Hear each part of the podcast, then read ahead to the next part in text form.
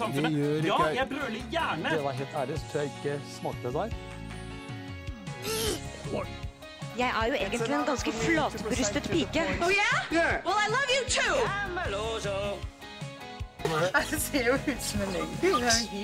Kjersti, sånn snakker vi ikke. One small step for man. Ja, Du hører på Gleden med TV-en, hvor vi ser på TV for deg, sånn at du slipper. Å nei, å nei, hva er det som skjer? Du hører jo stemmen til Sturle Vik Pedersen, ikke Markus. Det er fordi at han tar seg en velfortjent pust i bakken.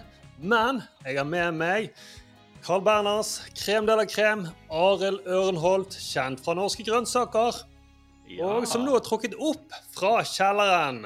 Går det bra, Arild? Ja, har, nå er rosinen kommet i kremen, for å si det sånn. Rosinen kom til kremen, men Ja. Man tenkte ok, er det nedtur? Er det bare Sturle og Arild? Ikke at det var nedtur, men det kan oppfattes det. Men vi er ikke alene. Vi har med det. oss mannen, myten og legenden. Thomas Teige er tilbake! Hallo, hallo. Åh, det, det føles bra.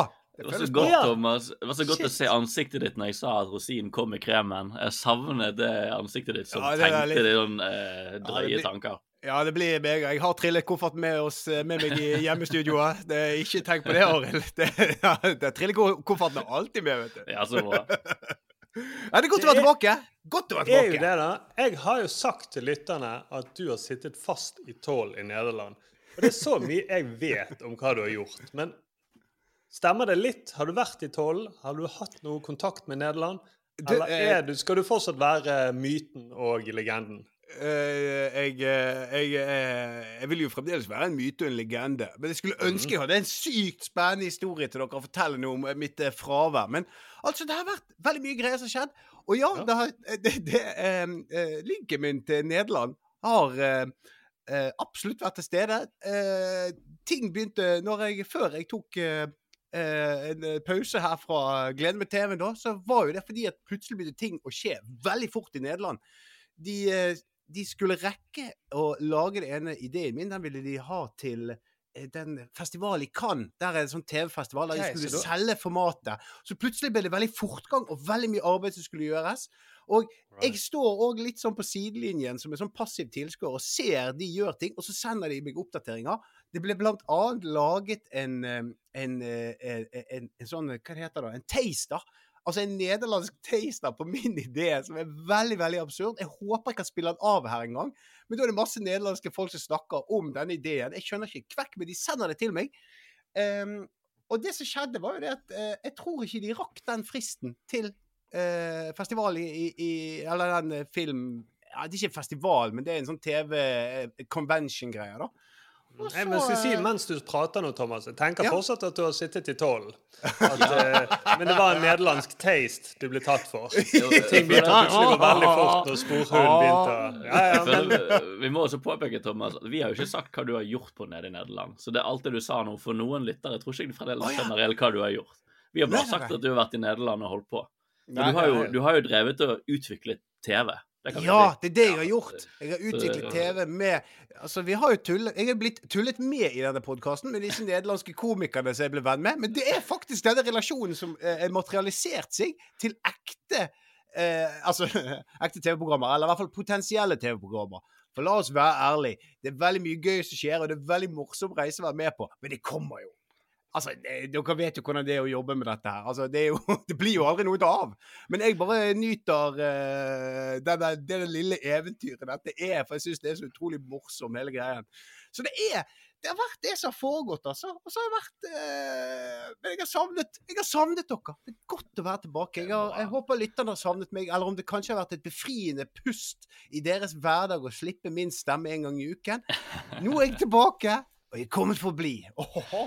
Jeg har bare vært så redd bare vært så redd for uh, at uh, det plutselig skulle komme en sånn nederlandsk podkast med glede med TV-en hvor du, fordi du har blitt så stor. ja. Uh, så det Jeg har fulgt med på sånn nederlandsk feed uh, for å se at det ikke det er noe som heter Het Pleisavan Televise, hvor du driver og, hvor du er driver og holder på. Mm, med Thomas Teige. Thomas Teige, Thomas Teige, Teige Teige, Teige, Televise. Teige, deg Televise, og så klapper de, og du er så hyllet, og du blir løftet opp på gullstolene. Åh, det, det, det, det du oppsummerer nå, det er drømmene mine. Det er drømmene mine. Men jeg er glad. Eh, trist for deg, men jeg er bra for oss at du er tilbake, Thomas. Du, Jeg er veldig glad for at du er tilbake. Lytterne også er veldig glad. Eh, selv om de blir litt skuffet over at du ikke var satt fast i tål i- på Skiphol. Nei, men det Men sånn er det. Du har jo, det er jo fortsatt enda mange uker igjen til jul. Du kan jo fortsatt lage TV-program i Nederland og fortsatt sitte fast i tål. Mange kjente TV-personligheter gjør jo det etter hvert. da. De blir Ja. tatt med forskjellige ting. Ja, Det er ikke det for jo- seint, Thomas. Nei, altså Det kan jo Altså, greien er jo det at hvis jeg hadde blitt tatt for å smugle eller ta med meg narkotika inn til landet, da tror jeg at mediene vil definere meg som NRK-kjendis. Ja. Skjønner du? Det er liksom veien for, å få liksom min claim to fame. Og så, så blir det masse sånn på jodel og sånn. Ja, er det noen som vet hvem NRK-kjendisen er? Er det noen som vet hvem NRK-kjendisen blir tatt for smugling? Og så blir det en skuffelse når det er meg. Men dere skjønner For det er liksom sånn Men det er alltid skuffet. Det er, man blir alltid skuffet når man vi, vi som jobber litt i underholdningsbransjen, så har sånn skumle nettverk. Så alltid kan finne ut hvem disse mystiske kjendisene er som Altså Randi Lioden, mener du? Ja, ja, nå nevner du Hun ikke har jo nettverk. ja, ja. Hun, hun Ja, har hun er. Hun, hun er den kjendisen. Nei, nei, hun er ikke Nei, hun, hun, hun, hun, hun er men alltid når det er liksom sånn en kjendis har stjålet noe, eller drept noen, eller blitt skutt, eller hva den kjendisen holder på med, og vi ikke får vite hvem det er, så sjekker man inn med Randi. Ja, ja, ja. Mm. Ja. Men Jo, det er Jeg kjenner Ja, jo eh, en journalist i Dagbladet. Og der var det sånn at det var en NRK-ansatt som laget for lenge, lenge siden et helvete på Lorris. Ble kastet ut. Eller Lorry, er det vel kanskje heter. Eh, Men iallfall kastet ut. Og så ville Dagbladet lage sak om dette, og da så vedkommende ingen kommentar. Og det var bra, for da kunne de bare skrive sånn NRK-profil kastet ut. Ja. Men det var bare en som jobbet på rekvisitten eller et annet sted. Altså. Men da var det liksom, ja. ja, men da kan vi... Og ingen kommentar. Så er det, Ja, fordi det gjelder også hvis det er sånn en av vaskedamene som jobber på NRK, så er det en NRK-ansatt. Ja, ja, ja. ja. Ja, Det er juicy. Mm. Det er, og, og jeg, jeg, jeg må si at det er jo veldig spekulativt, men jeg hadde gjort det samme.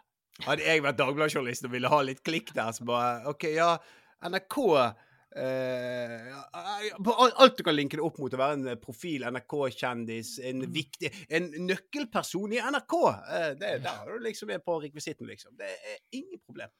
Jaha. Jeg hadde gjort det. Men jeg kommer til å styre denne podkasten med jernhånd, eh, Thomas. Uh, Jeg vet ikke om du fikk med deg forrige gang det var bare meg og Arild som satt i skuten. Så var jeg, ble jeg en diktator og Mm. tvang hele podkasten til å eh, krysse Kapp, det gode håp, og Oi. forbannet eh, hele sjøen. Vi må videre, og det er tid, rett og slett, for å spille DJ Imre sin eh, fantastiske vignett. Det er tid nå for ukens snakkis. Ukens snakkis.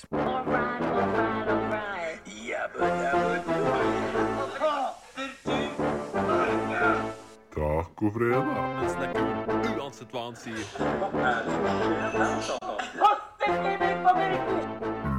Ukens snakkis. Arild, det var jo du som ble trukket ut da, til ukens snakkis. Det er jo sånn som skjer når eh, folk ikke er til stede. så er Det ofte Det er rart med det. det er rart. Ja, ja, ja. Det det beste med en pause, må jeg si. Det er jo ikke det- for ukens dag. Jeg trodde jeg skulle få en sånn seks serier jeg måtte se nå. ja, men det er rart, det, for det fung... det, jeg bør kanskje begynne å gjøre det samme med Lotto. Jeg bør slutte å delta, for da vinner jeg kanskje. på et eller annet tidspunkt. Da vinner du hver gang. Men hva er det du har fått til oppgave, Arild? Du, Jeg fikk en mystisk melding av deg, Sturle, hvor du sa du skal se X on the beach. Oh. Ja. Mm. Uh, så det var jobben min denne uken. Jeg skal se X on the beach på Discovery Pluss. Det er jo en serie som har kommet til sesong seks. Uh, ja. Ja. Uh, og vi, vi, vi Jeg bare begynner, jeg. Herregud, styrer meg selv med, jeg sjøl med jernhånd. Vi er jo i en tid hvor skrekkfilmen Terrifier 2 har kommet på kino. Som er en sånn undergrunnsskrekkfilm som eh, eh, har gjort det at folk spyr, eh, besvimer, eh, kaster opp og løper ut av kinosalene i skrekk i USA. Den har nå kommet til Norge. Um, og Ex on the Beach er jo på en måte sånn dating-reality-seriens Terrifier 2, på en måte. Og såpass. Eh, ja, det er jo det. For liksom hvis eh, du tar Paradise Hotel, da, som er fredag den 13. filmene. Ja. Skrekkfilmene hvor Jason Warry skal rundt med machete og dreper unge eh, mennesker. Så blir er han måte med den der ishockeymasken, er det det? Eller noe Ja, det er ishockeymasken. ikke sant? Det, det, okay, ja, det Friday 13. Han, det, hvis det er Paradise Hotel, eh, som røper rundt med machete og kutter eh, unge mennesker i to, så er da Ex on the Beach på en måte en stum klovn som river ut magesekken din og stikker pikken din i kjeften og kveler deg med innvollene dine, liksom. Sånn som det skjer i Terrifier 2. Det prøver liksom å sette opp et slags sånn bilde da, på, på hvilken rolle Ex on the Beach spiller i reality-verden. For Ja. dette er trashy reality. Ja, for det, og det, bare for å få sagt det, Arild, så er jo du en som er langt over gjennomsnittlig interessert i den type reality. Ja, jeg er, jeg er glad i reality. Iallfall på denne poden, så er jeg nok eh. Du er det av ja, alle jeg eh, kjenner òg, Arild. Som venn er du den mest interesserte i reality. Ja, men fordi min greie, da Altså, dette er det folk sier om meg. Arild liker en god gimmick. Det sier det, Det vet jeg de sier det hele tiden Jeg er så glad i en god gimmick. Oh. Jeg elsker. Hvis du gir meg en god gimmick, Jeg bare har vært spiser jeg det opp. og- referanseperson for deg når du har søkt jobb, Arild. En av de tingene jeg trekker fram, er jo at du liker en god gimmick.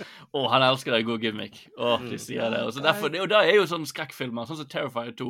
Jeg tør ikke se den på kino. Men jeg elsker gimmicken med en uh, stum klovn som går rundt og dreper folk. Så derfor går jeg på Wikipedia og leser hvordan utnytter de denne gimmicken i denne filmen, og, og, og alt sånt. Så jeg, å, en god gimmick. Og det er der reality-seriene har gjort det så bra i de siste årene.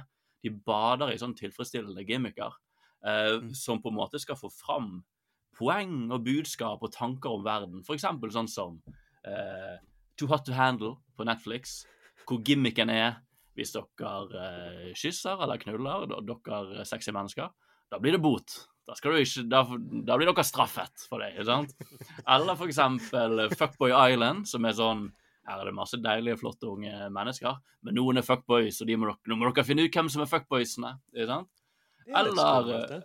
Ja, det er litt sånn, eh, det er en god gimmick, da. Og så er det Love is blind, som er på Netflix. hvor det er sånn, dere, dere får ikke se hverandre før dere skal gifte dere. som en, så, For en perle. Ja, ja, og alt dette her blir jo bare masse krangling og drama, men det bygger på sånn tilfredsstillende gimmicker. Um, og det bygges ut fra disse sånn grunnleggende spørsmål og tanker. Hvis man har lyst til å heve det opp da, til noe mer enn bare trashy, så kan man tenke sånn Ja, er det egentlig ja, men kun, Er det bra å bare preike med noen før man gifter seg? Det kan jo kanskje det går an. Så ser du Love is blind og tenker selvfølgelig går ikke det an, er du dum i hodet? Ja, sant. Um, ja. Og her har vi da Er det on bra the at en eh, klovn er stum? Ja, kan det være. Ja, er det det som, er det det som, er det det som fikk klovnen til å bikke over? Var det Ja, for der, da kan du se Terrified 2 igjen, hvor gimmicken er jo egentlig ganske tynn, så de smører jo bare på med at denne stumme klovnen den er ganske voldelig og ganske drøy. Eh, det er ikke så mye Så mer til det. klovner, det er de Ja, ikke får sagt det de mener, og viser hva de føler. Ja. Og, og Ex on the Beach, da. eh, de har jo en gimmick. Eh, det er i tittelen. Du er masse unge mennesker som er der for å anførselstegn finne kjærligheten. Nyte nåtiden, kan vi si. ja, det kommer jeg tilbake til, hvor mye de er der for å finne kjærligheten. Men, uh, de er, men så dukker eksene deres opp plutselig, sant? på beachen. Ja. Uh, og det er jo uh, innforstått at da blir det drama. Uh, men den gimmicken er såpass tynn, fordi det den serien egentlig bare vil være, er jo drama. Kun lyst til å være drama. Uh, og det der at den har en gimmick, det glemmer man. For alle som er der, er der for å lage drama. Alle som er der, er bare for å ligge rundt. De er der for å være full. Dette er en serie som har gått i seks sesonger. De har begynt å skjønne at denne gimmicken er jo bare Det er jo ikke så viktig. Vi, alle er jo der for å være jævlige på TV. Ja, Eh, ville det vært, spørre deg, Arild, ville det vært Mm. drama selv om eksene ikke hadde møtt opp? Selvfølgelig vil det. For disse menneskene dukker opp og er der for å, å være kjipe og ligge med hverandre. Mm. Eh, Det er liksom, det er så rart. Og jeg kommer tilbake til dette, for jeg har en reell, det er en, det er en liten reell kritikk oppi alt her. Eh, For Ex on the Beach det er bare en sånn parodi på en parodi. Eh, Det blir sånn som Paradise Hotel, som jeg sa, sin sånn muterte fuckboy-kjæreste. Det liksom, det har gått så langt, da. Eh, Og er egentlig en serie, dette er jo en serie som er lagd for å skape Dagbladet-overskrifter eh, nå gjennom høsten. Eh, Det er jo sånn jeg tror nesten de fleste som ikke ser serien, kjenner til det, serien, er fordi at man har lest overskrifter om at nå har det vært en eh, trekant på TV, eller noe eh, sekskant, eller nå slikker noen rumpehullet til noen på TV.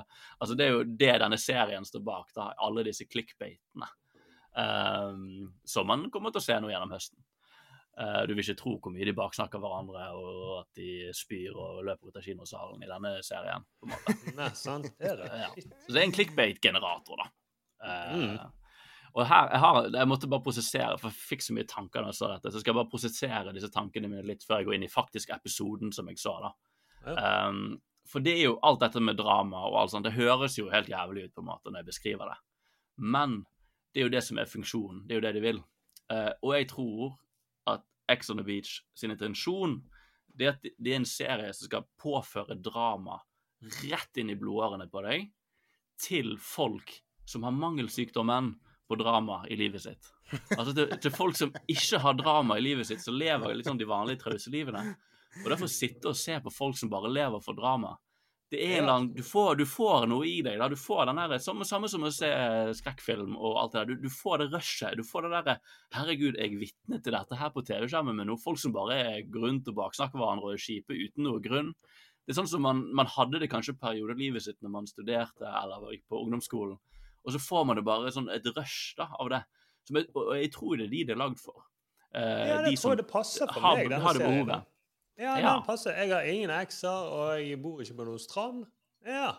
Mm. Fyller det der tomrommet i livet mitt allerede. Ja. det Jeg, jeg, jeg lurer ja. på om den analysen din gjør at det er derfor det ikke treffer meg. For det, altså, ikke at jeg lever i så jævla mye drama og ikke har så jævla mange altså, Jeg kan ikke skryte på meg en eh, haug med dramatiske ekser. Absolutt ikke. Men, men Ja. jeg er en drama queen. Ja, Skjønner du? er du det? Ja, For, ja, ja, ja, fordi at jeg er sånn Jeg er litt sånn der eh, Jeg ser alltid worst case scenario i, og fiktive problemer. Skjønner Ja. du? Så jeg lever ja. i et, Jeg er en fiktiv drama queen, eh, hvis det går an å si. Ja, det For du jeg, er- jeg det lager du er- jævla mye drama av ting som ikke nødvendigvis er reelt. Ja, ja, du, du lever for Ja. drama, rett og slett. Ja, det Ja, men jeg hater det! Kan det Ja. bare være sagt? Jeg hater å være sånn. Men det er jo derfor min teori, Thomas, at du, du hadde vært den beste reality-deltakeren av alle oss. Fordi du er Du suger Du er Uten å ville det, så ville det bare Det blitt så mye drama, på en måte. Du hadde gjort så godt du kan kunne for å sitte rolig i båten, men så hadde liksom Jeg hadde grått igjen her eh, videre når du står og snakker etter kamera. Jeg hadde grenet hver gang om Ja. ting som ikke var ekte. Jeg kan bare si det med en gang. Hvis det er noen som castingfolk som hører på, jeg kommer til å takke nei. Fordi at jeg orker ikke å grine så mye på TV. som jeg kan gjøre. Det er gøy er da, hvis du hadde vært der, og så hadde du grått masse. 'Herregud, så så jeg eksen min på stranden.' Og så må du si Thomas, igjen, Thomas, det der er lydmannen, det er ikke eksen. Ja, ja, det ligner. Han minnet så veldig. Han tok opp alle samtalene jeg brukte, og brukte de mot meg, akkurat som eksen min gjorde. Ja, men det- Nei, det hadde ikke det, Ja, men, og det er jo det, men det er jo det jeg tenker er sånn um, ja, er funksjonen at hvis du, ja, du Sånn som du sier, du stresser mye for tiden, Thomas. Det er mye reiser og usikre ting. Jeg tror ikke dette er serien for deg. Nei, nei, nei, jeg kan si det med en gang. Jeg kommer aldri til å se det. For min teori er sånn hvis uh, Hvis du kommer hjem til noen, og du ser de ser på TV, og de ser på sånn her eh, en zen-hage med sånne små bjeller som spiller, og blomster som vokser, og de liksom er veldig sånn rolig, sånn behagelig TV-titting, da er det noe galt i livet deres. Ja, det er det. Det er da, da, da, da jobber du for å prosessere noe. Det er sånn som under pandemien, eh, når det var på sitt verste, og jeg ikke hadde det så bra. Det jeg så på da på TV, da gikk jeg på YouTube, og så så jeg på video i 4K av folk som går rolige turer gatelangs i Tokyo. Det satt, det satt jeg og så på på kvelden, jeg bare måtte prosessere dagen. så fint. Ja, Det er det, jævlig fint. og det er så deilig. Når du bare er, var så stresset, har ikke vært sosial, har ikke vært ute i verden, har ikke reist på lenge. Så gå på den, se på YouTube. Å, nå skal vi gå igjennom et distrikt i Tokyo. Se så fint det er, masse folk ute. Og det er bare lydbilder av gatene og bilene som kjører forbi. Elsker det. Det er jo ikke bra. Nei, men jeg må bare si. Jeg har eh, helt tilsvarende, Arild. Så Ja. det eh, jeg gjorde Du vet, eh, Jeg vet ikke om dere har Apple TV, men det er sånne hvilebilder. Så sånn landskap som så filmer. jo, jo. Sånne der dronebilder som går sykt sakte. Og så Ja, sånn inn ja. i San Francisco. Av og til er det bare et, bare et landskap. Vet ikke hvor det er. Så sitter jeg og ser så, satt under, i, sånn, i, i mars-april her, så satt eh, 2020. Satt og så på det der jeg, jeg vil ikke si timevis. Nei, Jeg vil ikke får si timevis, men jeg satt men- altfor lenge og så på hvilebilder. Og følte liksom en slags ro over det, da. Ja, Sant? det er noe til det. Men jeg Um, har det litt ennå. Bare for å ta en kjapp, kjapp liten digresjon her, da. Jeg fikk en eh, jeg fikk, Det var noen eh, kamerater av meg som skulle på kino på, nå på, eh, på onsdag som var. Så sendte jeg melding og spurte om jeg ville være med og se 'Krigsseileren'. Ja. Og, og da sa jeg nei. Jeg har ikke sett dem på lenge. Men jeg sa nei. Og så spurte de hva da? Her vil jeg ikke være med. på- Passer ikke. Så bare Jeg vil bruke tiden min på noe annet. Mm. Og så, og så det fikk jeg litt så dårlig samvittighet, for det var en veldig hard måte å si det på. Egentlig er det bare det at jeg orker ikke å se noe så trist. Ja. Sant? Jeg, jeg, Du jeg, bare, jeg, jeg, jeg, jeg, jeg klarer ikke. Det er, det er sikkert Jeg, jeg, jeg hører det har noen gode anmeldelser. Alt er fint, men ho, bombing av barneskole jeg gå på kino? Når jeg går på kino nå, så vil jeg spise popkorn, og jeg vil se Tom Cruise som klatrer opp en eller annen Ja. vegg, og så er det sånn Vet du hva, gjør det der sjøl! Det er helt Ja. sykt! Er helt Der er jeg i livet mitt. Jeg må Ja. se sånne ting på kino. Jeg orker ikke. Jeg orker Ikke bombing av barneskoler og ekser som krangler. Fuck dette, liksom. Ja, sant? Og det er jo det som egentlig er poenget mitt her nå. Jeg dømmer ingen som ser Ex on the Beach og liker det. Jeg vil Jeg si, jeg vil faktisk si at de som ser det, er mer emosjonelt stabile enn jeg er. For jeg blir opprørt når jeg ser det. Når jeg ser dette, så føler jeg det er mitt eget personlige helvete, liksom. Og, og, og hvis jeg skulle vært på denne øyen med disse folkene, jeg hadde jeg hatet det. Men jeg ser verdien. Jeg dømmer ingen som ser det. Fordi, ja jeg har må stoppe det der. Det syns jeg er imponerende. Eh, For, det, for eksempel hvis jeg ser zombiefilmer eller noen andre ting, så ville jeg tenkt liksom Hva ville jeg gjort der i den situasjonen? Mm. Ville jeg gått ned i den undergrunnen med den lommelykten som ikke virker skikkelig? Nei, det ville jeg ikke gjort. Men jeg har jo sett litt Ex on the Beach til sesong én, og jeg har aldri tenkt liksom Shit, hva hvis du var i det rommet, Sturle? Hva ville du gjort? Hvordan ville du håndtert når Adrian gjorde sånn og sånn, eksempel? Men, men du, det vekker frem de følelsene hos deg, Arild. Ja, jeg, altså, jeg vet at jeg Jeg ville jo ikke vært med på det. Det som sagt, det hadde vært mitt personlige helvete å være med på dette. Fordi de, problemet er at i disse festene det er ingen hjørner man kan sitte i. Og bare liksom eh, sant? De sitter er ikke kjøkkengjeng, liksom. Ingen kjøkkengjeng. Alle sitter, sitter sammen. De går inn på soverommet av og til og preker dritt, men ja. Men uansett, Jernhanen styrer. Vi må gå litt inn i episoden. Jeg vil bare Ja, unnskyld, jeg vil, jeg vil bare legge det grunnlegget der. Sant? Fordi nå det er fort gjort at man ikke det, ja, det er fort gjort å ikke vite hva man skal føle da man går gjennom denne serien. Men OK, dette er da en serie, Ex on the Beach. Man er der masse unge mennesker som skal finne kjærligheten. Anførselstegn. OK. Så guttene kommer først på, på denne øyen. Um, og det er Eller nei vel, jeg begynner med jentene, faktisk. For det, det setter litt opp tonen her. Fordi det er noe med den type mennesker som blir tiltrukket eh, av eh, å være med på dette her, som vi har etablert, denne type serie. Og det som jeg synes er fascinerende, er at nesten alle damene som er med, når de snakker om seg sjøl i introvideoene, så gjør de på en måte et sånt poeng ut av at de er verdens kjipeste mennesker.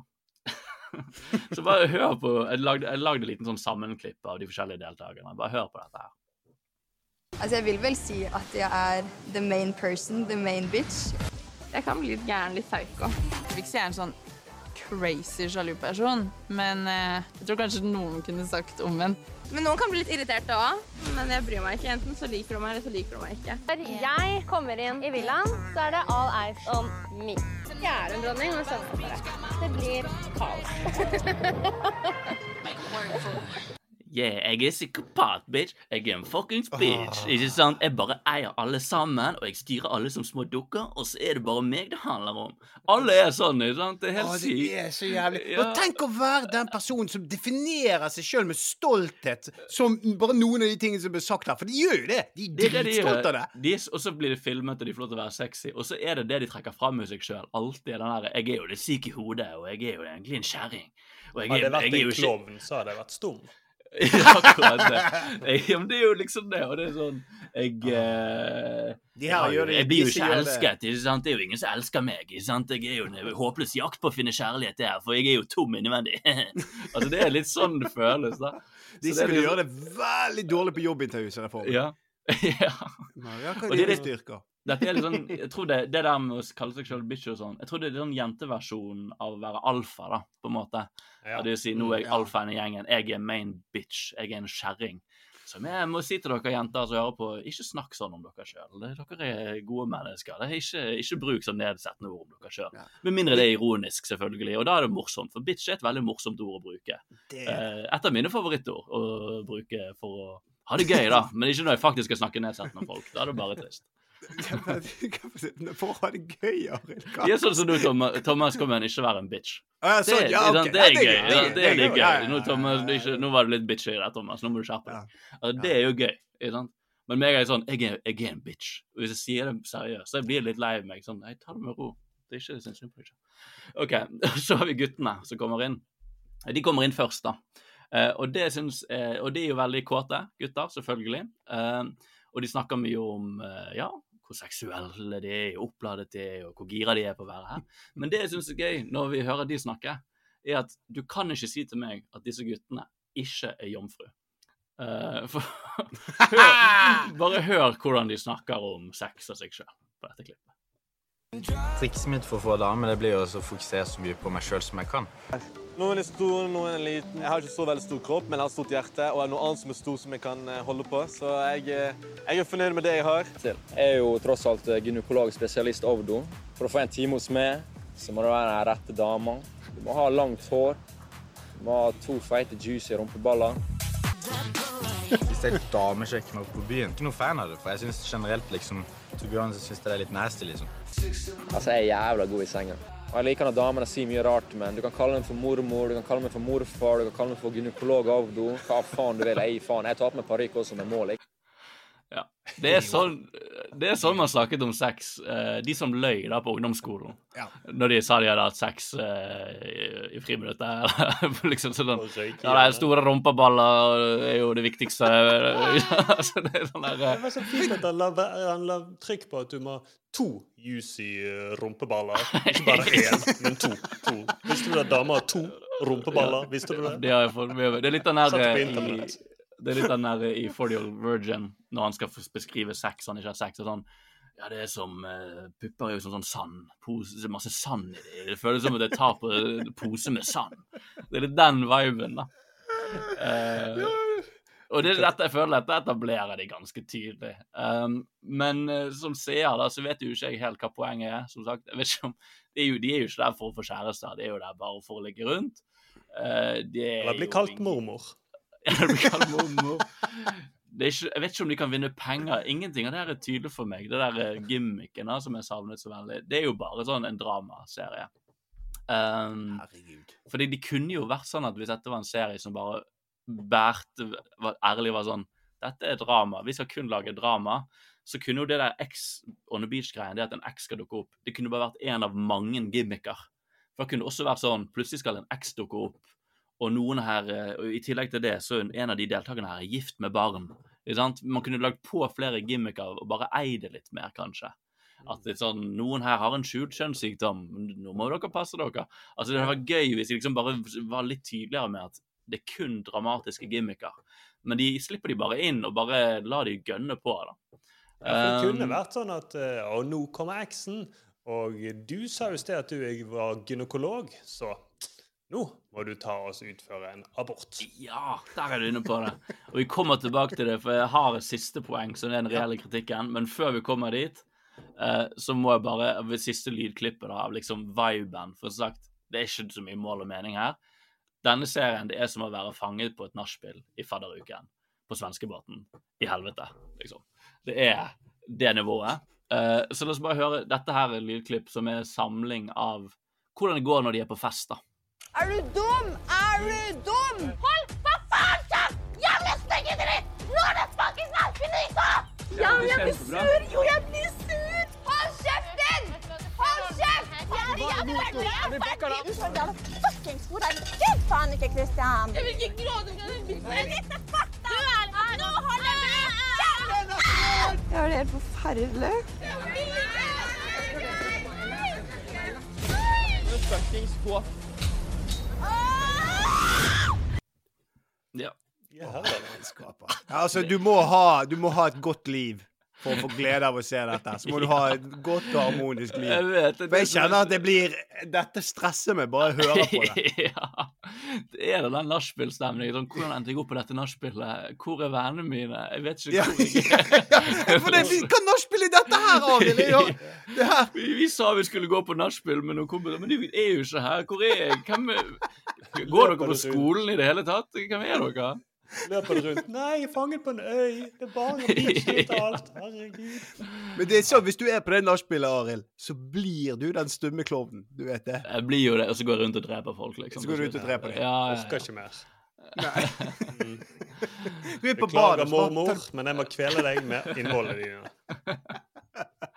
Og det er jo litt sånn fascinerende. Det må jo, det er jo det, Apropos sånn um, Friday the 13th og Jason det var jo en, eh, Han gikk jo rundt på en sånn sommerleir og drepte unge mennesker som hadde sex og sånn. Det er jo det man, det er jo derfor det var tilfredsstillende på den tiden. Var det var noe tilfredsstillende med sånne unge mennesker som var hedonistiske og sånn, som fikk uh, smake kniven. Det er jo litt Men du skjønner du... der, der kom du ikke bra ut av? Men det er ikke skyld på meg, skyld på de milliardene med kroner skrekkfilmindustrien har eh, tjent på å drepe unge mennesker som har sex. Men det, er jo nok de følelsene du kjenner på der, Thomas, som de produsentene av skrekkfilmer også har kjent på. da. Ja. men nå kommer vi Altså, jeg kunne jo gått gjennom episoden og gått alt som skjer. Det skjer ikke så mye, liksom. De møtes, de begynner å drikke. De har et par gimmicker de prøver på, hvor liksom guttene blind, går på blind date med en og en jente, men de er jo der bare for å ligge sammen. De driter jo det, liksom. Og på et tidspunkt så er det en twerkekonkurranse. Det er ikke så interessant. Eh, Det er ingen de, de bare gjør det på kødd, på en måte. Um, og ja, så kommer det jo en X inn der på et tidspunkt, men da blir det bare enda mer drama. Det blir bare det samme dramaet. Og det er der min reelle, reelle kritikk mot Ex on the Beach kommer. For jeg, som sagt, jeg driter i om dette er bare masse jævlige mennesker, og man kan nyte å se på bilkrasj, liksom. For kos dere med det. Ja, Nå er det ikke sant Eh, nå, folk, som sagt, Man kan kose seg med dette og leve seg inn i smålig drama og sånn her. Man spisser jo ørene når det er krangling på nabobordet, liksom. Det er jo en sånn tilfredsstillelse i at Oi, shit, hun kalte han for en skjæring. Å, wow. Du trenger ikke så mye mer substans for å bli nysgjerrig, men min reelle kritikk er at det er selve konseptet, at eksen din skal dukke opp, det blir liksom ikke utnyttet så bra, syns jeg. Nei. jeg synes, sånn, narrativ, sånn narrativt sett, da, uh, så skal jo en eks sånn representere sånn fortiden din, ikke sant? Kanskje det at du har vært en annen person en annen gang i livet ditt. Altså Det representerer jo egentlig ganske mye av en personligheten din da, og hvem du har vært. Eh, og, og jeg tenker jo sånn at Hvis man skulle bygget denne realityserien opp fra bunnen og hadde den gimmicken, så skulle jo teknisk sett da det vært sånn at alle som kom inn, som du ble kjent med til å begynne med, framsto som ganske ålreite mennesker. De framsto som ganske hyggelige, og at de hadde meninger om seg sjøl, som var at de var gode mennesker som var der for å finne kjærligheten. Og de begynte å date, de begynte kanskje å finne tonen, og det var litt sånn Dette er for godt til å være sant. Bam! Du er med på X on the Beach. Her kommer eksen din. Og eksen din sier sånn Han er som sier at han er forelsket i deg, han har faen meg vært utro med 9000 mennesker. Og så, og så begynner dramaet å komme av eksene.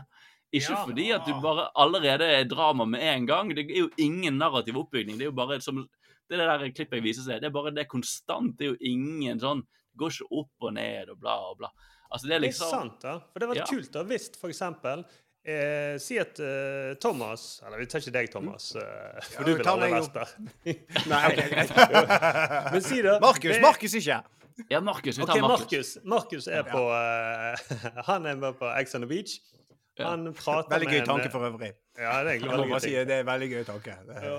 Eh, og han er der, prater med Han er interessert i en farget kvinne. Plutselig Mhm. kommer eksen hans opp på eh, beachen. Hun går i nynazistklær.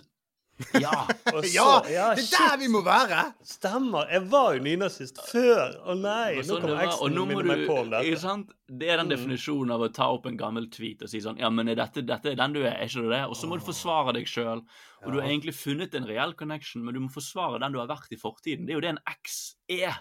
Det er brikken i hvem du har vært. Veldig gøy, nå får jeg mange ideer her. Det er veldig gøy hvis du har en som er, er, er, er innunder sånn der vitnebeskyttelsesprogram. Som har fått ny identitet, og så kommer en fra fortiden! Ja. Hæ? Oh. En mafia, en eh, gangster da, som skal Ja, på deg ja, ja. fordi at du Ja, ja, ja. Mm. Kommer gående med en sånn Tommy gun. Vi skal oh, stanse det der uh, spritkonkurrentene en gang for alle. Bli med meg. Gal eks, jeg kan ikke lenger. Jeg er en ny familie. Tyst er du.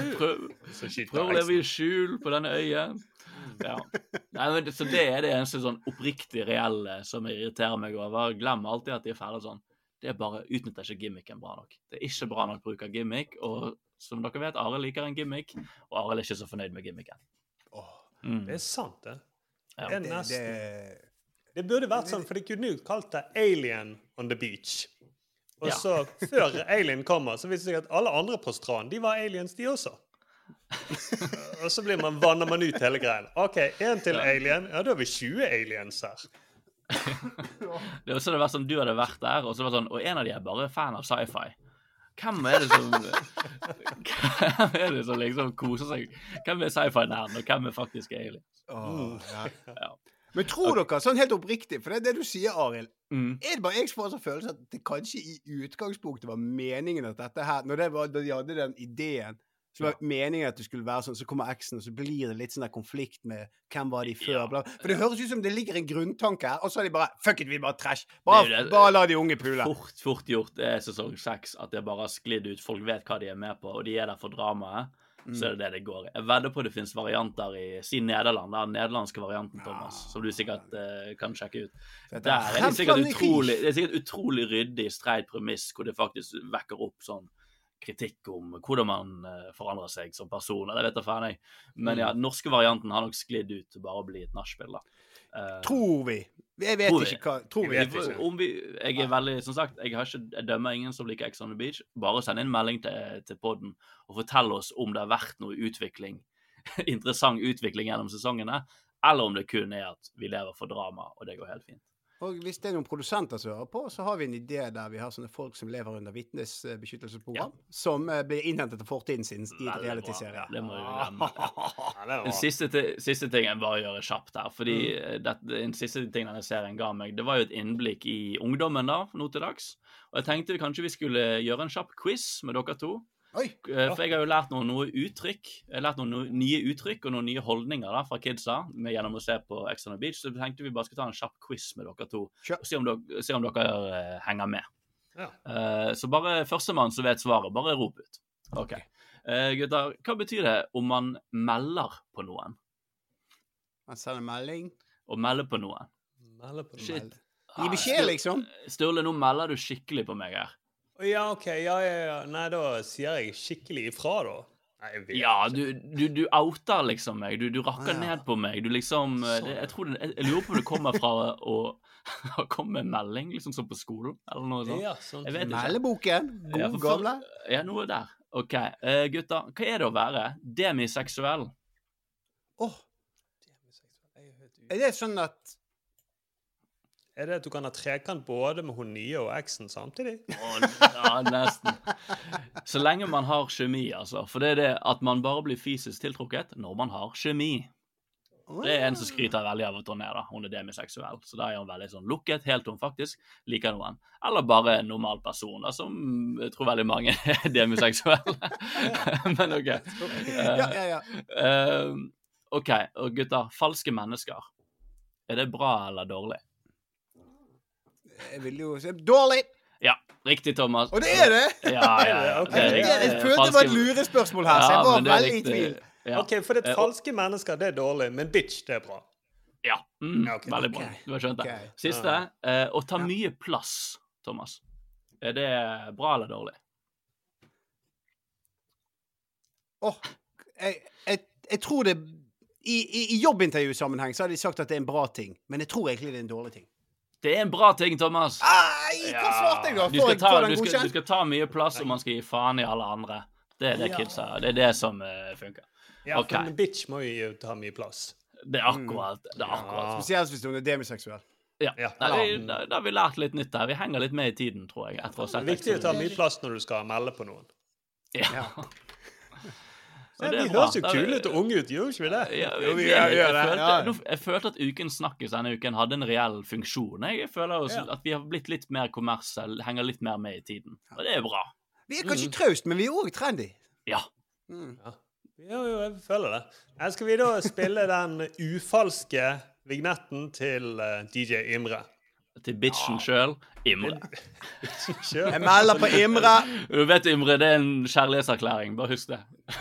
Bitch. Den her vignetten tar mad mye plass. Ukens snakkis.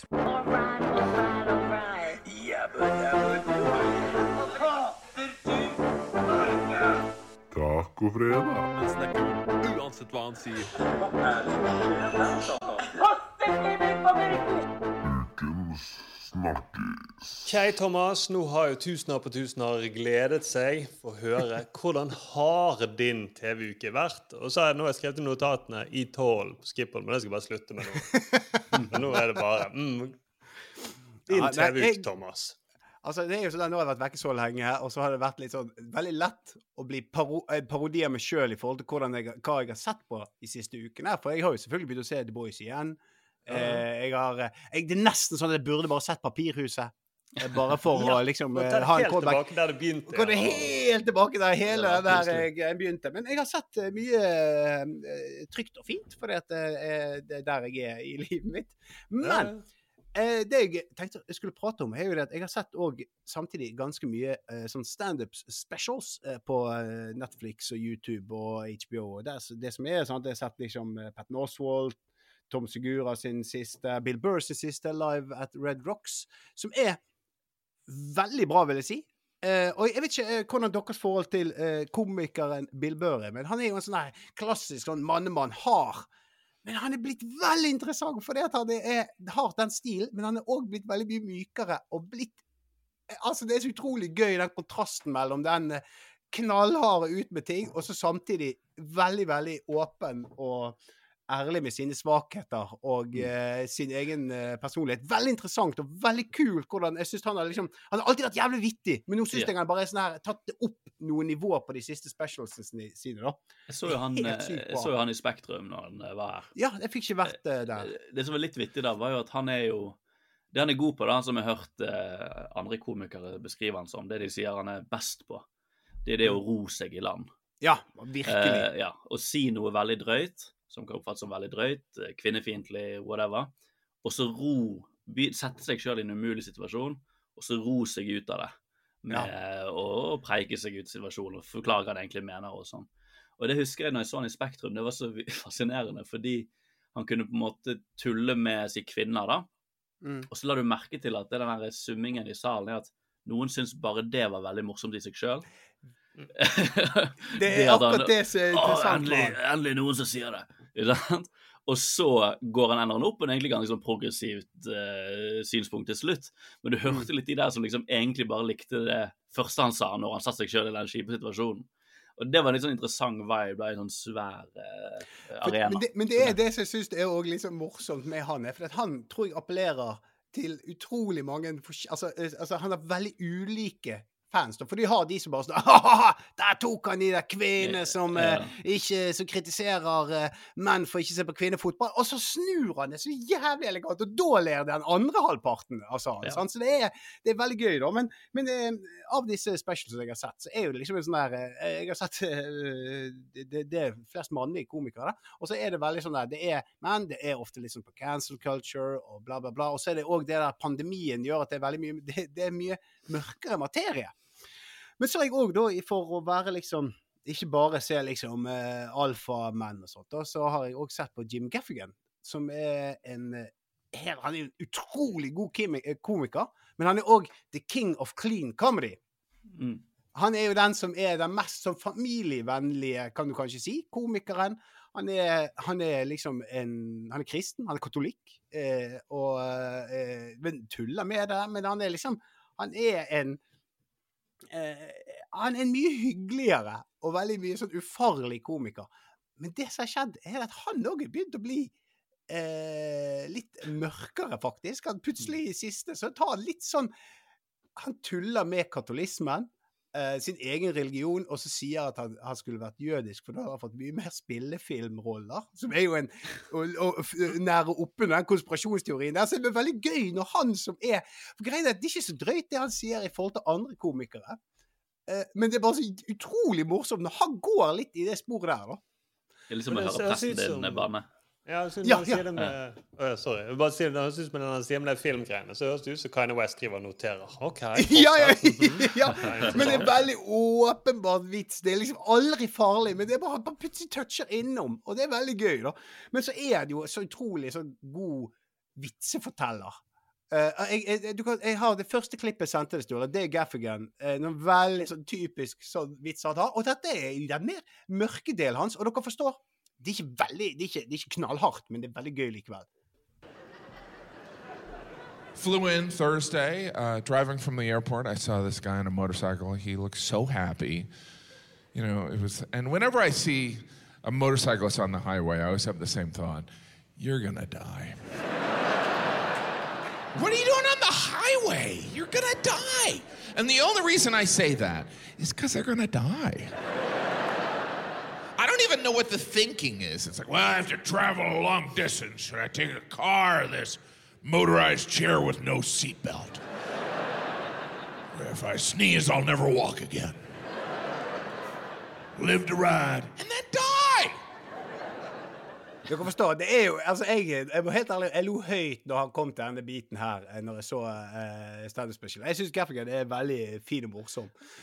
Men så er det da Det blir litt Ja, sånn, det blir litt sånn Nei, Jim, ikke, vil du at folk skal dø? Du Ja, ja, det er liksom- Nei, det blir det der uh, Ikke du, da, Jim. Ikke du, men så er det liksom Men det er jo jævlig clean og fin vits, da. Ja, ja, Eh, det- det, det syns jeg. Man høres ut som en sånn bekymret, bekymret pappa eller noe sånt. Ja, ja, han har den, men det er jo den viben han har. Jeg tror han har syv unger eller noe sånt. Ja, ja, ja, jeg tror det. Jeg har ikke sett eh, han, eh, noe av det han har gjort, men han høres jo ut som en sånn det er nesten sånn Hvis det er en som fra NRK Super plutselig går og hen og sier det, så ler man veldig mye mer. For shit, det var overraskende at du sier det. Ja. For vitsen, det som du sier. Thomas, vitsen, eller som du sa, ja, han er jo ikke så drøy egentlig, men plutselig, hvis det kommer fra den personen, så det, det, det, det er akkurat det som gjorde at det var så gøy. Da. Men, så, men så i hele denne sfæren med standup specials, så er det én person jeg vil trekke fram. Eh, eh, det er Tim Heidecker. Og det er eh, Altså, jeg vet jo at eh, vi i Satiriks-redaksjonen, og spesielt om Marius fra Norske Grønnsaker, er jo kanskje en av de største fansene hans i, eh, må jo være i verden, men Ja, fra altså, Tim and Eric Show, da. Ja. eh, som er en absurd eh, sketsjehumorserie. Marius introduserte jo meg for det i studietiden. Mm. Eh, og siden da har jo han ja, eh, Tim Heidecker vært en sånn gøy alternativ humorstemme på nett spesielt, da, for oss i Norge. Ja, og han er jo eh, altså, Hele greia med han er jo altså, Han er litt sånn antihumor, hele fyren, nesten. da. Og han har jo blant annet Noe av det, noe av det beste noensinne har sett på nett, er den eh, parodien han har på Joe Rogan-podkast, eh, som eh, varer i åtte timer. Eller er det ti? Eller er det ti timer? Og hold, de holder det gående, det er han og to andre, og de sier ingenting med mening. I bare i, et, Ja, jeg tror faktisk det er ti timer langt opptak.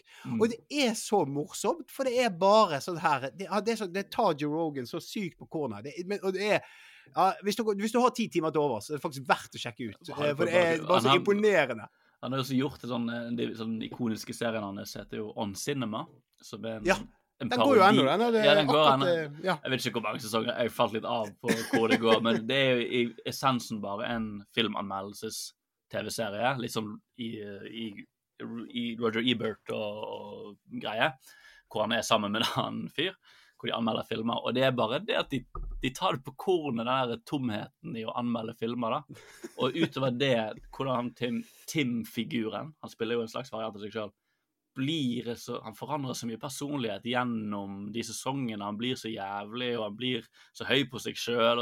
Det sånn, du tracker liksom den personligheten. På et tidspunkt så måtte han lage en spin-off med en rettssak mot seg sjøl. Jeg husker ikke helt hva det var, men det var sånne fire, den- den ligger også på fi- YouTube. sånn fire timers episoder av at han bare har lagd en rettssak om seg sjøl. Han går så langt da på å ta ting, ta ting veldig sånn Han går inn i disse sanne tingene vi kjenner til, og bare tar det så seriøst med veldig mye blink i øyet. Han er veldig fascinerende Og- det- og- kul ja, stemme. Han er så kul. Og det er liksom, når jeg da Mm. har sett alle disse her eh, standup special på Netflix, HBO og alt sånt, eh, så, så, så er det så tilfredsstillende at da Tim Heidecker har laget en standup special som er én time med han som egentlig bare tuller med standup-sjangeren.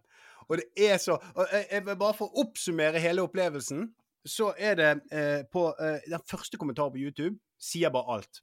Og det, Se for deg at du ikke vet noe om hvem Tim Heidecker er, og så går du på dette showet og får, har den verste kvelden i ditt liv. Det er noe veldig tilfredsstillende med at han eh, gjennomfører et helt time standup-show med egentlig bare fryktelig dårlig standup. Og så, så bygger han det så bra opp med at de første fem minuttene av podkasten Nei, podkasten, unnskyld, showet handler om at han har tekniske problemer. Og så åpner han hele greia med en sånn kjemperant av alle som jobber på den venuen. Og så Hvordan er dere behandler meg? Jeg er blitt kåret til den femte mest, eh, eller morsomste mannen i USA. Og det tror jeg faktisk han har blitt. Hadde på en eller annen sånn kåring. Ja. Og så kåring også, spytter- Ja, ja, men det er så- det er jo sånn det kåring over på et eller annet sted. Eh, Men så, og så går han, og så, og, så, og så er han bare så jævlig usympatisk og går så hardt ut. Og så skal du spille første klippet, for dette her sier standarden på materialet hans. What else? I love food. Is everybody here? I mean, I love food. I love. I'm, I guess I'm a foodie. I don't know. I'm a foodie. Sue me. I'm a foodie. I uh, I said to my friend, and he said, "You got to use this in the show." I said, um, "I said." If I ever get to go to another planet, right? I said, if I ever get to go to another planet, uh, I will not be saying, take me to your leader, right? You see that in the movies. Take me to your leader. Uh, I will be saying, take me to your sushi. Uh, that's what a foodie I am. Um, so listen, folks, like I said, I'm one of the top five comedians in the country. And I Ja, dere skjønner. Dere skjønner. Det, og han er så Det er et sånt eh, Jeg må bare si hele den her Det heter uh, Team Heidecker. Uh, One Night uh, Only. Jeg, nå akkurat mm. det skulle jeg selvfølgelig ha skrevet ned, det glemte jeg nå. Men søk Team Heidecker standup special. For han er så usedvanlig god på å f leke med alle feil standup-komikere gjør før de blir gode. Mm. Og han har så dårlig materiale at det er hysterisk morsomt. Altså, Bare spill det neste klippet, Sturle. Vi kan bare blåse med en gang, for det er et annet eksempel på det. Ja, jeg skal bare si at jeg, jeg ler jo Jeg har jo ikke sett så mye standup, så det kan jo godt være at jeg er så treig. Men jeg ler jo litt etter han har sagt uh, på en måte vitsen. En venn av meg sa at jeg måtte bruke dette i showet. Og så går det noen sekunder, og så kan du si? Å ja, selvfølgelig. Ja, men sier det er- alt ut. Ja, men det er akkurat det han gjør. Han gjør alle sånne herre Og han, han til og med puster inn i mikrofonen feil ofte. Og Mm. eh, det er biter der han liksom gl- sier feil. Det er sånn eh, eh, Etter dette her Jeg kunne bare ikke ta med hele klippet. Så uh, har han en sånn greie med at eh, eh, hvis han skal gjøre narr av folk som er eh, eh, Når han skal bestille en vegetarburger. Sant? Og så sier han hele tiden feil. Så legger han bare sånn ja, Hva er today special? Nei, og så sier han alltid kjøttpålegg inni der, med en feil. Når, skal, når de skal beskrive ordren. Så blir han så forbanna, så prøver han på nytt igjen. OK, we take this uh, one more time. Og så bommer han hele tiden. No, not turkey! Fuck! Og, så og det er altså så lekent. Altså, al- al- å tørre å stå på den scenen og bare levere i én time, folkens! Bare den dårligste standupen man noensinne har sett. Og ta neste klipp! og ta neste klipp. Det er bare eh, det er, keep, det er the gift that keeps on giving, for å si det på en uh, teit måte. We got to do something about the English language, by the way. Don't you think? I mean, it's like, it is always getting us in trouble. Uh, I have one example of that. Um, I know this is cold. This is like flu season, right? What do you call it when you got when you're not you got a sore throat and your stuffy nose? What is that? No, it's a cold.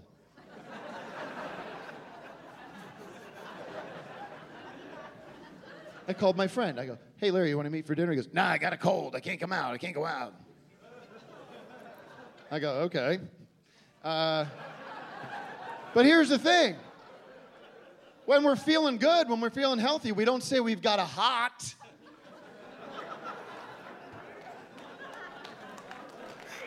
Look it up. we don't do it. We don't do it.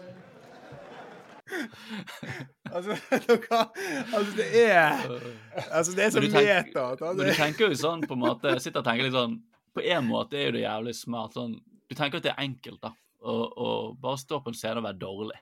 Ja. Uh, for det skjer hele tiden. Men det er den der eh, jiu-jitsuen der hvor det er Som Sule sa, det er så mange lag her. Av at han vet at vi vet at det han vet at han, det han gjør, er dårlig, men det fremstår som at han prøver så godt han kan. Og det er jo ting du kjenner igjen hvis man har sett mye standup. Det er jo fremdeles gjenkjennelseshumor. Fordi Ja, det er det det er. du skjønner at 'jeg har hørt disse vitsene før', eller 'jeg har hørt den dårlige ordspillet før'. Og jeg vet du har gjort dette med vilje, så det er liksom Det er ikke bare å stå på en scene og være dårlig. Det er så gjennomtenkt dårlig. Ja, det er Så gjennomarbeidet, hele. Gjennomarbeidet dårlig. Det er så Ingenting er tilfeldig, da, og det er veldig tilfredsstillende. Det er som å lage et puslespill Pusle et puslespill feil på en måte som gjør det morsomt. på en måte. Det, er mm. veldig, det føles veldig vanskelig. Jo, det er sant. For Nei, det, det- ofte blir man ofte blir jo sur på eh, komikere. Eller eksempel i standup-miljøet, hvis de eh, er dårlige bare fordi at de later. Altså sånn, Mm. At du kommer Mm. opp på scenen og så shit, nå fremstår du dårlig. Og det er egentlig bare fordi at du er lat. Men han her har jo Mm. ikke, han er jo ikke lat. Han har jo nedlagt jævla mye arbeid for at denne vitsen For at vi skal få oss til å le. Og, uh... Ja, og det, jeg husker Kristoffer Schjelderup, når han var på podkasten her, så snakket han jo om det så vidt at han ikke likte la komikere som gjorde narr av de dårlige komikere.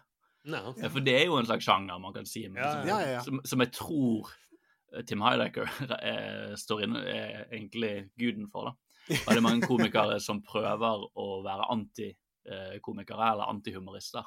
Så jeg er veldig er interessert i å høre med Kristoffer hva han syns om denne specialen. Om, om det er gjenkjennelsesfaktor nok her for han til å le av det, eller om han bare blir sur fordi Ja, det kan være. Ja, for Er det fornærmende hvis du faktisk driver med det, eller er det bare For jeg sitter og så, og så tenker jeg bare sånn For det, det er jo nesten som et teaterstykke.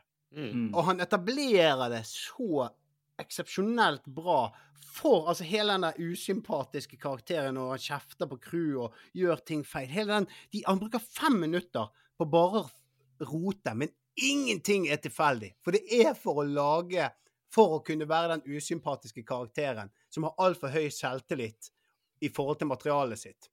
Og det er, det, er også, og det er masse greier der han skal liksom, For han prøver å kjøre den der eh, times-standup-formatet som jeg da jeg har sett så mye på Netflix. Og det er så Han har òg sett på de gode. Og så har han bare OK, men hva hvis de hadde bommet der? Altså, det er Mm. Ja. Det er rett og slett så mange lag med meta her at det er helt ekstremt. Han spiller jo en karakter, da. Eh, Ja, han gjør som han kunne vært i en sitcom. Og hvis det er den karakteren i en sitcom, eh, så hadde vi aldri tenkt det der er en lat karakter. Denne skuespilleren Mm. spiller ikke. Du hadde jo ledd fordi at shit, han er jo morsom. Han er jo nesten litt som en slags uh, The Office. Ja. Amerikanske The Office, eller britisk The Office. Mm. Altså, det er sånn, du ler jo fordi at shit, dette er så bra karakter. Det er så Mm. gjennomarbeidet når han er. Sånn som på scener. scenen. Det lille inntrykket. Det som, litt, det som er litt tilfredsstillende, for det er jo kult å se folk som Det er morsomt da, når folk på en måte dekonstruerer kunst og kunstneren. Ja. Type som man lager en parodifilm, sånn som man gjorde mye på 80-tallet. At filmene på en måte dekonstruerte actionfilmsjangeren. Du fikk mannen med nakne pistol, og det ble en slags sånn Se hvor teit denne sjangeren er. Mm. Det er jo en veldig tilfredsstillende ting. Eller man eh, dekonstruerer en kunstner som liksom Jeg tar meg selv veldig seriøst, men jeg tegner ting som er veldig stygt. Det er, liksom, det er noe tilfredsstillende med det. Men jeg syns han får fram her, som jeg tenkte på nå, som er litt bra, at han får fram litt hvor selvhøytidelig komikere er. Hvor seriøst de Mm. tar seg sjøl. Og det er egentlig en sjanger som er veldig sånn avhengig av at man skal være kul og avslappet, og ikke framstå som at man jobber hardt. Mm. Eh, Men det er med måten å gjøre det på, så blir du så bevisst på at faen, standup-komikere, dere tar dere sjøl litt for seriøst. Dere prøver jævlig hardt å være morsomme. Og jeg tror kanskje det kan være litt sånn avkledende for folk da, som jobber i en sjanger hvor man egentlig alltid skal framstå som at man er det ikke tar ting så seriøst og er litt avslappet. Men så kan du, så kan du også snu på det, Arild, som jeg Mm. tenker òg litt. er jo det at Når han er så god på å være dårlig, Mm. så får jo det egentlig meg til bare å sette mer pris på de som faktisk er helt sinnssykt gode. Selvfølgelig. Ja, ja, For det, det er, dessverre så Mm. tror jeg at det Heidecker gjør her, er på en måte mye vanligere, er nærmere det reelle nivået der ute. Mm. Eh, og så eh, eh, og, Men du ser ikke de på en one hour special. Nei.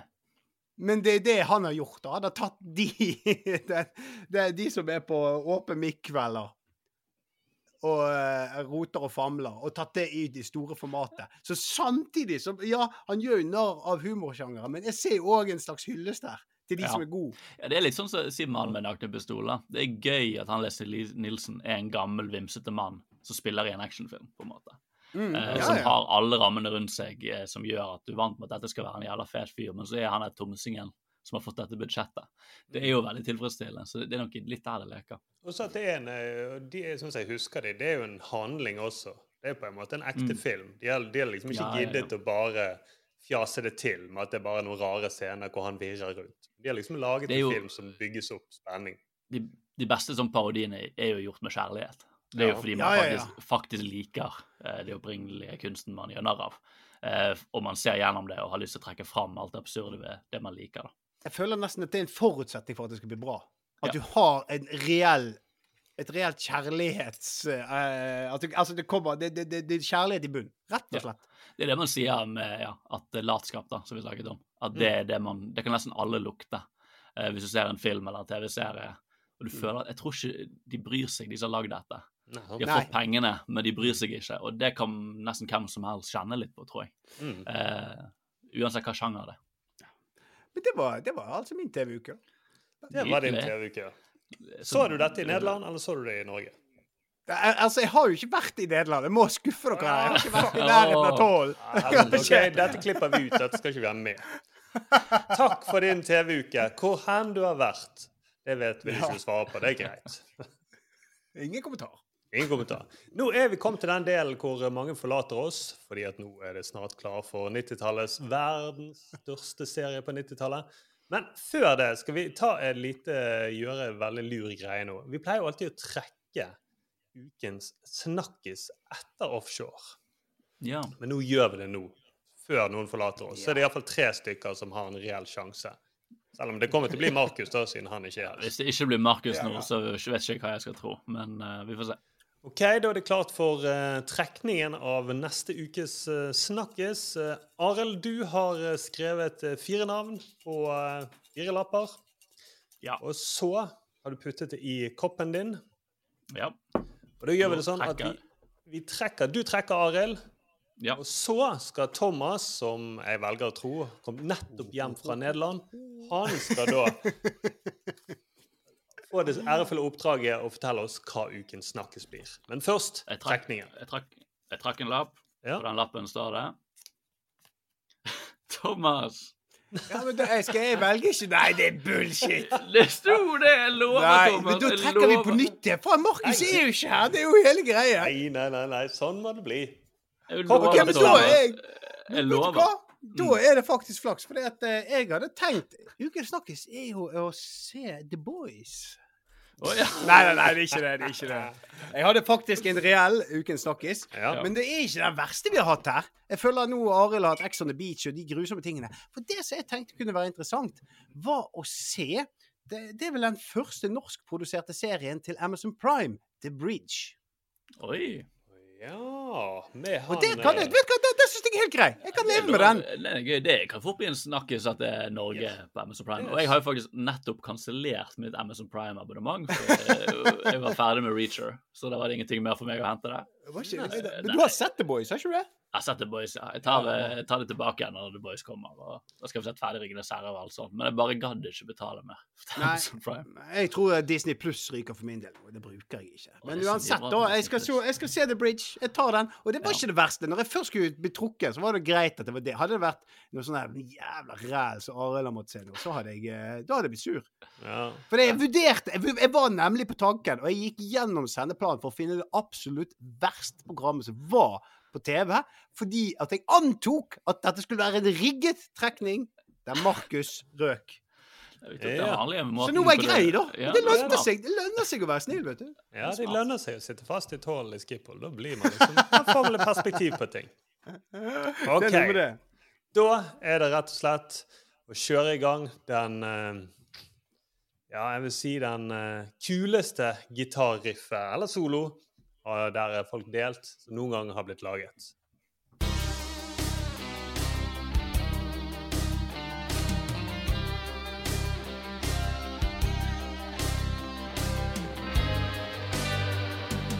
Ja, det er klart for episode 11 av The Offshore.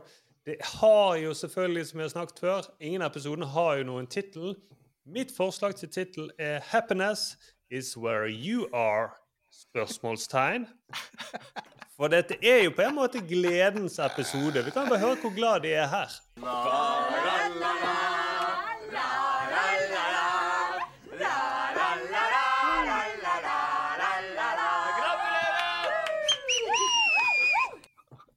Her er det mye happiness, altså.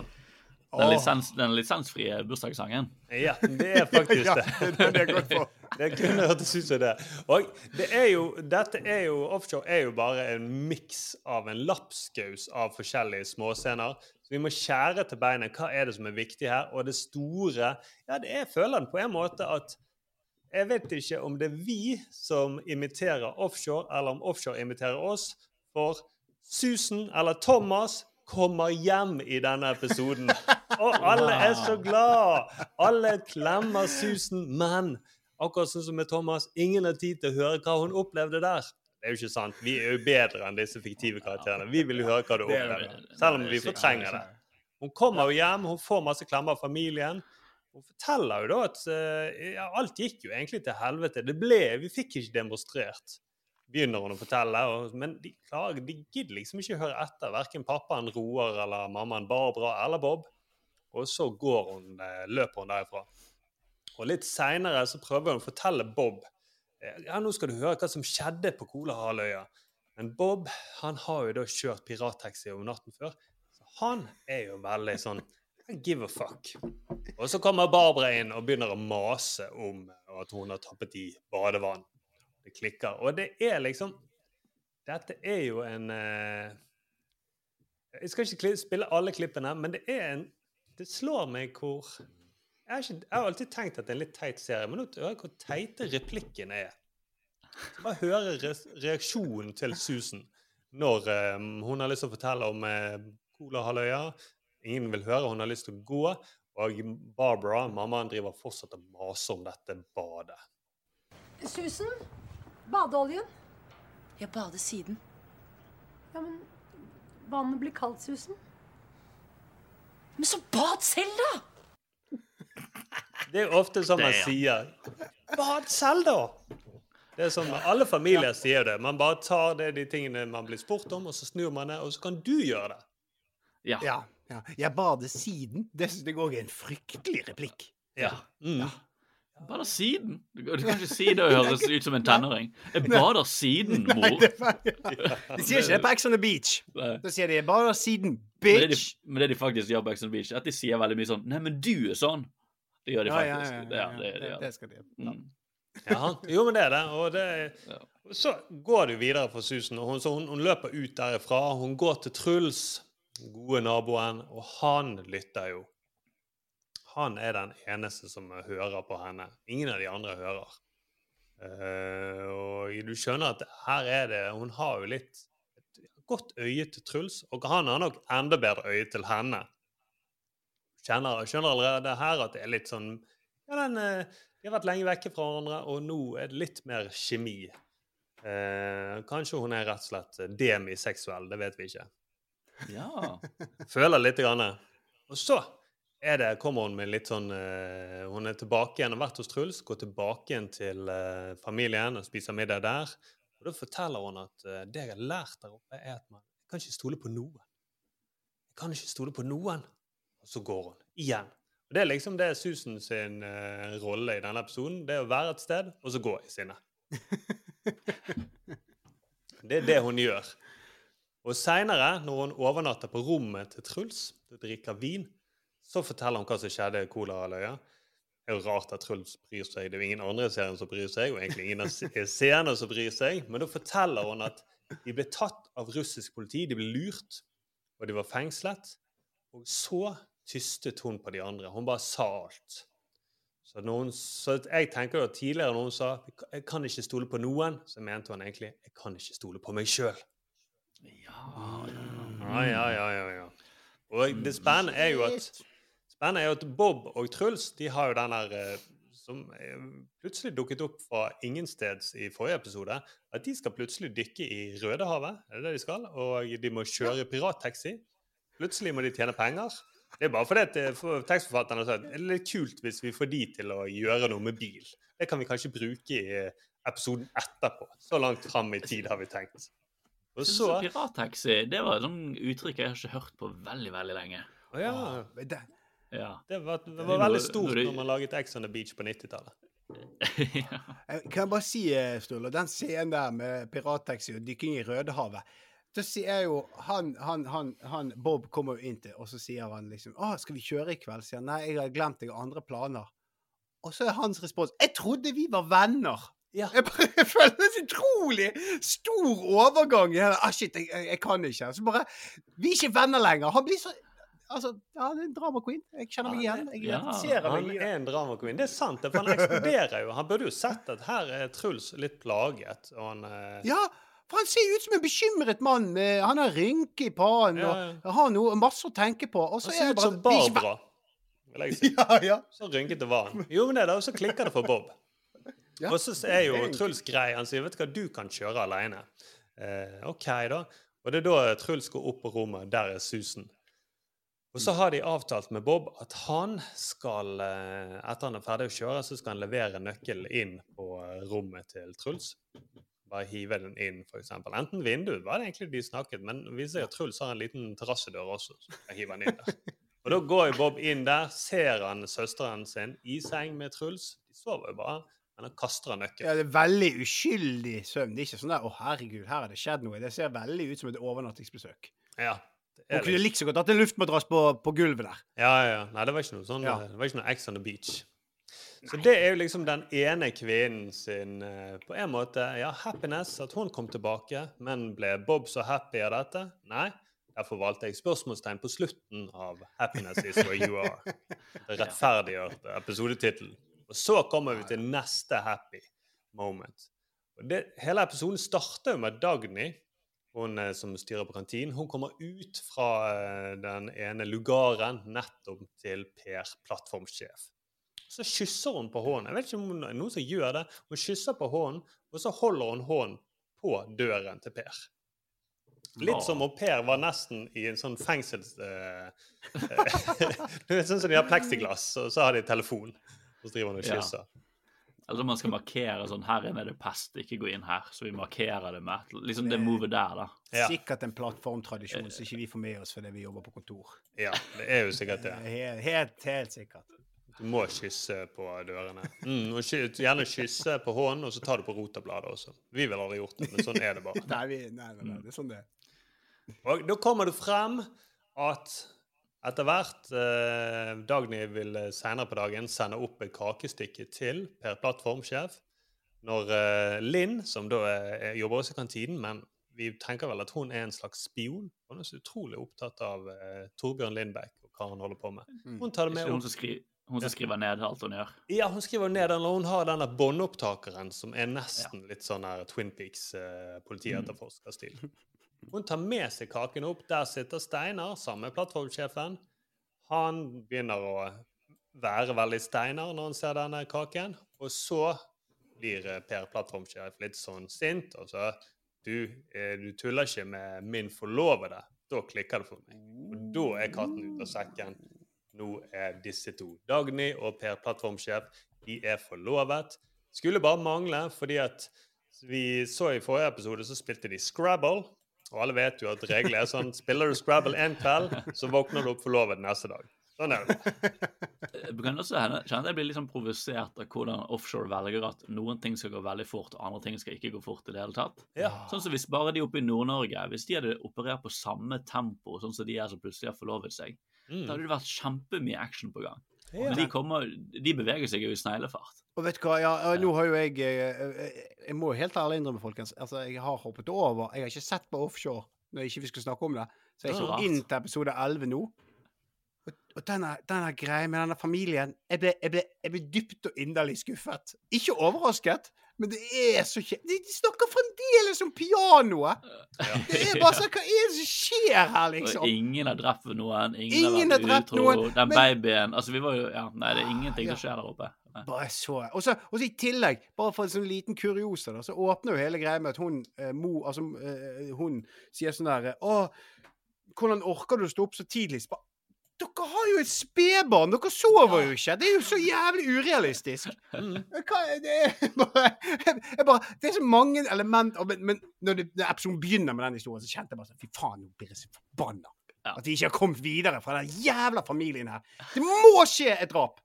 Og det må skje fort! Ja, men jeg har jo en knapp på hun moren at hun kommer til å bli druknet i en sånn bløt og så håper jeg Ja. Hva håper de hun tar på seg klovnekostyme Ja. eh, og eh, ikke sier noe. Og så kveler hun moren med hennes egne tarmer. Så Ja. stapper hun oppi de og lager pølser og serverer til han. Eller, eh, eller hvis man skal komme med budskap, da, sånn så jeg, eller en gimmick, da så er Ja, kom med en gimmick, da. Er Ja, med piano, pianostrengmorderen, da. Ja, Vet ja, ja, ja. Mm. Er herregud. Det kan vi kose oss med. Hvor mange måter Det- kan man drepe folk med et piano? Åh, det, Så kommer Gunnar inn. Det, det, du er så- god på gimmicker. altså. Ja, takk. Det er det folk sier. Og kommer Gunnar inn og sier Du, Charlotte, har du sett hun mamma? Nei, det har jeg ikke. Hvorfor spiller ikke du på piano? Nei, det mangler noen strenger. Mamma! Så ser han at mamma dingler oppi taket. Ja, eller sånn, og det er litt sånn uh, sur tone på piano. Og sånn, ja, det er kanskje pga. den nye innretningen. Det er en ganske sur kjerring, eller noe. Og så åpner hun, og så ligger moren inne kvelt og med sånn surtryne. Og det er sånn Ikke rart jeg er sur. Og så kommer faren med. Han har, vi vet jo at faren til Gunnar han har jo denne motorsagen, for han saget jo nettopp eh, Ja. Så han kommer da og sager i stykker eh, konen sin. Ja, nå skal jeg hjelpe dere. og Skal vi partere og så kaste henne til grisene, så finner politiet aldri sporet. Sånn, det burde vært det. Men tilbake til nei, sorry. Ja, ja, ja, ja greit. Ja. Ja, men vi må bare tilbake til For nå, jeg har jo vært litt kritisk, men det har jo aldri hatt en skikkelig cliffhanger. Men nå har det det, fordi at her på slutten Han her Per, plattformsjef, han har jo litt sånn ilt i brystet. Uh, og, men allikevel tvinger han seg sjøl til å spille Scrabble med Dagny. Og på slutten av Scrabble-økten, når han skal si ha det til henne Jeg skjønner ikke hvis de får lov. Kanskje hun bare sover på uh, lugaren hans. Men iallfall når han skal si ha det til henne, så får han ilt i brystet. Han går ned for telling, og nå er det sånne hjertekompresjoner. Uh, og han har fått hjerteinfarkt. Så slutter heldigvis episoden. Den slutter på en slags cliffhanger. Ja, Vårt første hjerteinfarkt. Det, Ja. Da er det såpeserie. Det er Mm. bra. Bare til synd at det ikke skjedde i Dølle Nord. Ja, det, Liksom, der, det var der trenger de trodd. Ja, han faren hadde jeg mistenkt et par ganger, men ja. Faen, altså. Mm. Men altså, det er Den cliffhangeren eh, eh, Hvorfor eh, eh, Var det det at han plutselig kom på et ord på Scrabble så han bare «Ah, Jeg skulle lagt ha der. bare ah, Der! Ja, jeg skulle Nei, egentlig det- tatt mm, Hjertestarter var det jeg skulle. Da hadde jeg fått jævla mye poeng. Faen, hvorfor tok jeg ikke det? Oh. Men, en, men på en måte, hvis det skulle vært den der Dølle Nord, så mener jeg at hvis jeg skulle sluttet med cliffhanger der, så burde det slutt, uh, sluttet når uh, moren og faren er inne på kjøkkenet, og så kommer Gunnar inn for å lage seg en kopp te. Og hva den karen skulle? Lage meg en kopp te. Jaså? Har du begynt å drikke te nå?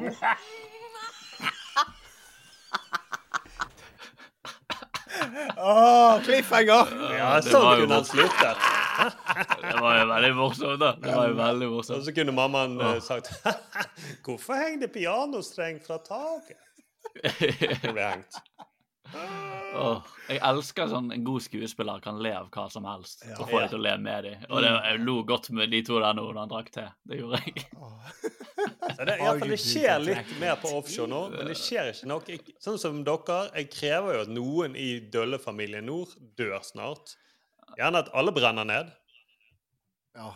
Og kanskje det er det vi venter på, fordi at Stian, husker dere lille Stian, eh, stegutten til eh, Steinar? Mm. Han er jo vekke Han er jo vekke et eller annet nord. Det hadde vært veldig bra hvis Stian hadde brent ned hele den der gården. Åh, kom igjen, Stian. Men det som er Ja, ja, ja. kjipt med offshore, er at den brannen kommer sikkert til å vare i 25 episoder. Ja. Vi det kommer til å sånn, bli, «Ah, kommer til å bli lei av den det- Ja, altså, og så er sånn Hva skal jeg kalle det for unga mine nå, da? Ja, det må jeg tenke på mens jeg brenner ned. Drikk du te når det brenner? Tømmer du med sånn vann på brannen? Du kan ikke spille på piano mens det brenner. OK, vi må gi oss nå. Dette må ikke utvikle seg til. For nå føler jeg nesten at dette utvikler seg til hets av eh, landsdelen i nord. Det er ikke meningen. Ja, det- jeg mener det, bare det- at men- vi blir fremstilt på en dum måte, rett og slett. Ja, altså, fordi Ja. sånn, offshore gjør dere ingen tjenester, Nei, folk i nord. Det, dere, jeg skjønner ikke at dette var tillatt på TV. Skandale. All right, vi må runde av. Eh, vi håper jo at Markus kommer tilbake. Og så gleder vi oss til Hva er det du skal se i Ukens Snakkis en gang til? Uh, The Bridge. The Bridge. Men de som har plakater nå med at det skal uh, fortellerstemme Oftebro, er det det som står? Ja, jeg er programleder. Ja, jeg har programleder. Ok, Det er en reality-program. Okay, okay. Jeg trodde det bare var Ja, ja, det er et reelt. De skal bygge en 300 meter lang bro. Det er jo bra, du elsker jo broer. Det har du sagt til Det Ok, jeg, skal, jeg, skal, ikke lyge, jeg skal ikke lyge. Det var en ganske kjedelig gimmick. Ja, veldig. Men det, det, det, men jeg, de har gått all in, da, og eh, jeg er spent. Jeg glemmer oppfølgeren vi når de skal legge 200 meter fortau. Å, ja. Men jeg må, jeg må løpe, folkens. Løp videre. Skynd deg tilbake inn til tolv, Thomas. Vi snakkes om en uke. Ha det bra. Ha det! Det